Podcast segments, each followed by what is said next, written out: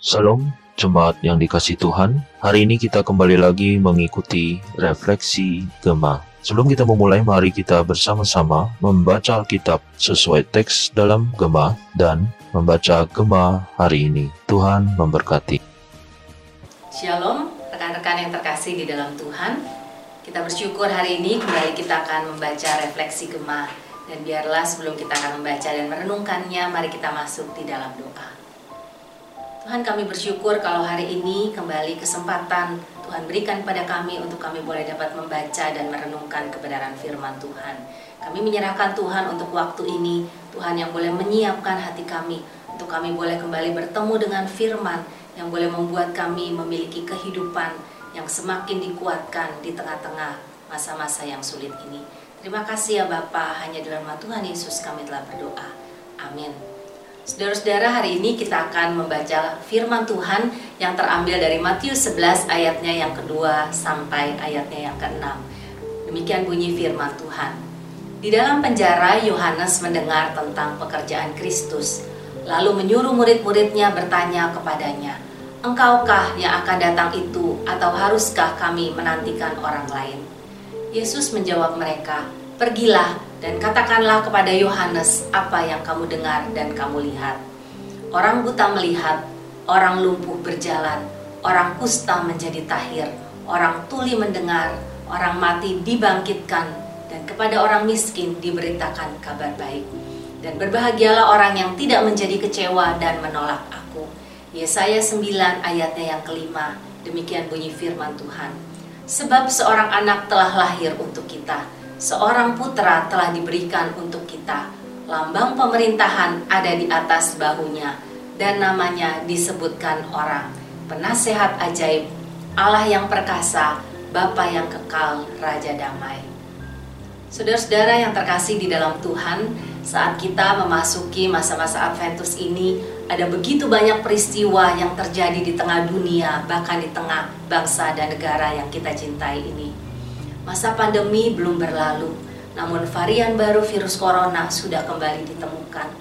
Bahkan kita juga melihat dan mendengar peristiwa-peristiwa alam yang terjadi di tengah-tengah bangsa dan negara kita saat ini. Hal ini membuat manusia benar-benar membutuhkan penolong. Ya, manusia membutuhkan seorang penolong, tidak hanya penolong yang membantu secara jasmani dan materi semata, namun lebih daripada itu, penolong yang dapat membebaskan mereka dari masalah dosa. Ya, manusia membutuhkan seorang Mesias.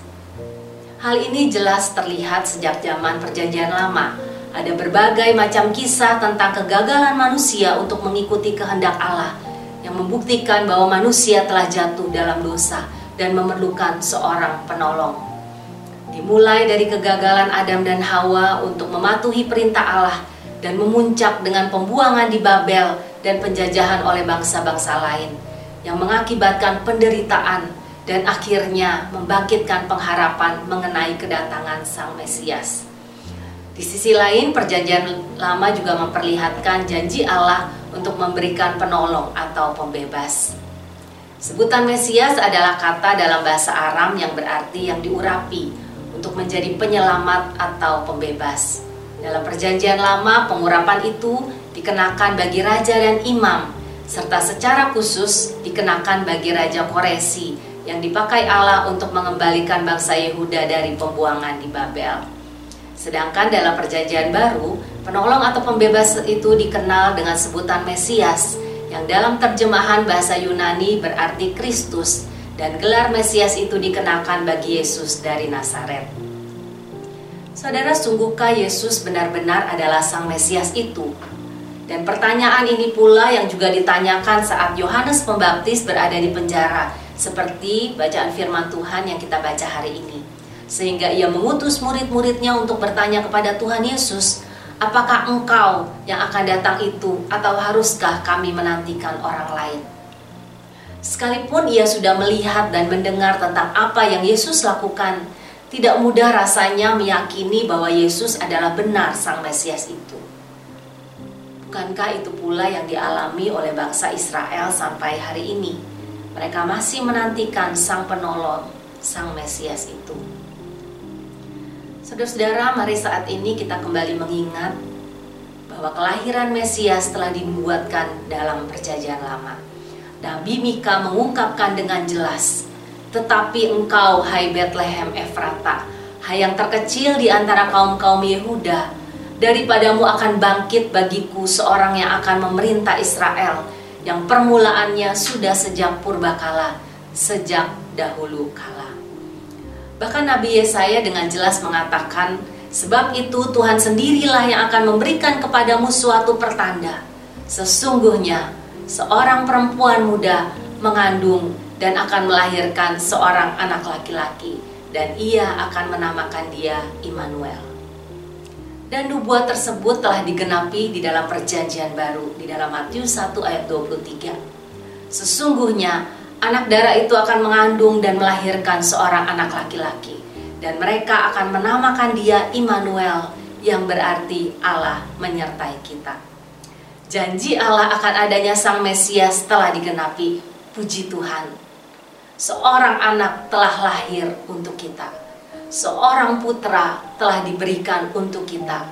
Lambang pemerintahan ada di atas bahunya dan namanya disebutkan orang penasehat ajaib, Allah yang perkasa, Bapa yang kekal, Raja damai, seperti yang dikatakan Nabi Yesaya.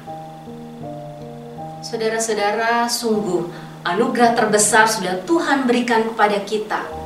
Kehadiran Sang Mesias adalah jawaban bagi kebutuhan semua manusia di tengah pandemi saat ini. Tidak hanya jawaban bagi kebutuhan jasmani, melainkan juga kebutuhan rohani. Saudara, kebutuhan terbesar manusia telah ia selesaikan dengan membebaskan manusia dari penjajahan dan hukuman dosa, sehingga kita memiliki jaminan keselamatan ketika kita mau menerima Dia sebagai satu-satunya juru selamat pribadi kita. Saudara, jika masalah terbesar manusia telah ia selesaikan, biarlah dengan penuh iman kita dapat menjalani kondisi apa pun yang akan ada di depan kita. Karena Yesus Kristus Sang Mesias itu adalah penasehat yang ajaib bagi setiap kita yang membutuhkan hikmat bijaksana dalam menghadapi hidup ini. Dia adalah Allah yang perkasa bagi setiap kita yang membutuhkan kekuatan di tengah kelemahan yang kita hadapi saat ini. Dia adalah Bapa yang kekal, yang akan terus memelihara dan menjaga kehidupan setiap anak-anaknya dengan cinta kasihnya. Dan dia adalah Raja Damai bagi setiap kita yang membutuhkan kedamaian di tengah pergumulan yang tidak mudah ini. Saudara-saudara yang terkasih, mari di momen Natal ini kita datang menyambut Sang Mesias itu yang dengan lembut berkata, Marilah kepadaku semua yang letih lesu dan berbeban berat. Aku akan memberi kelegaan kepadamu. Pikulah kuk yang kupasang dan belajarlah padaku, karena aku lemah lembut dan rendah hati, dan jiwamu akan mendapat ketenangan. Sebab kuk yang kupasang itu enak dan bebanku pun ringan. Kelegaan dan ketenangan yang tidak hanya sementara, tapi kelegaan dan ketenangan yang sejati, yaitu hidup yang kekal. Amin. Mari kita masuk di dalam doa. Tuhan kami bersyukur Tuhan di masa-masa sulit ini kami kembali dikuatkan. Di momen Natal ini Tuhan kembali kami diingatkan bahwa Engkau adalah Sang Mesias itu Tuhan.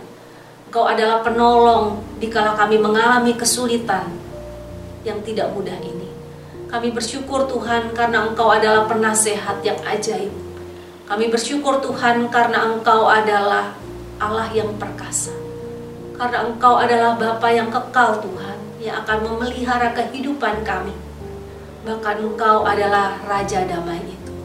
Tuhan biarlah di momen Natal kali ini Tuhan kami boleh sungguh-sungguh berjumpa dengan Engkau. Dan kami yakin dan percaya Tuhan bahwa hidup kami ada di tangan Tuhan. Terima kasih ya Tuhan.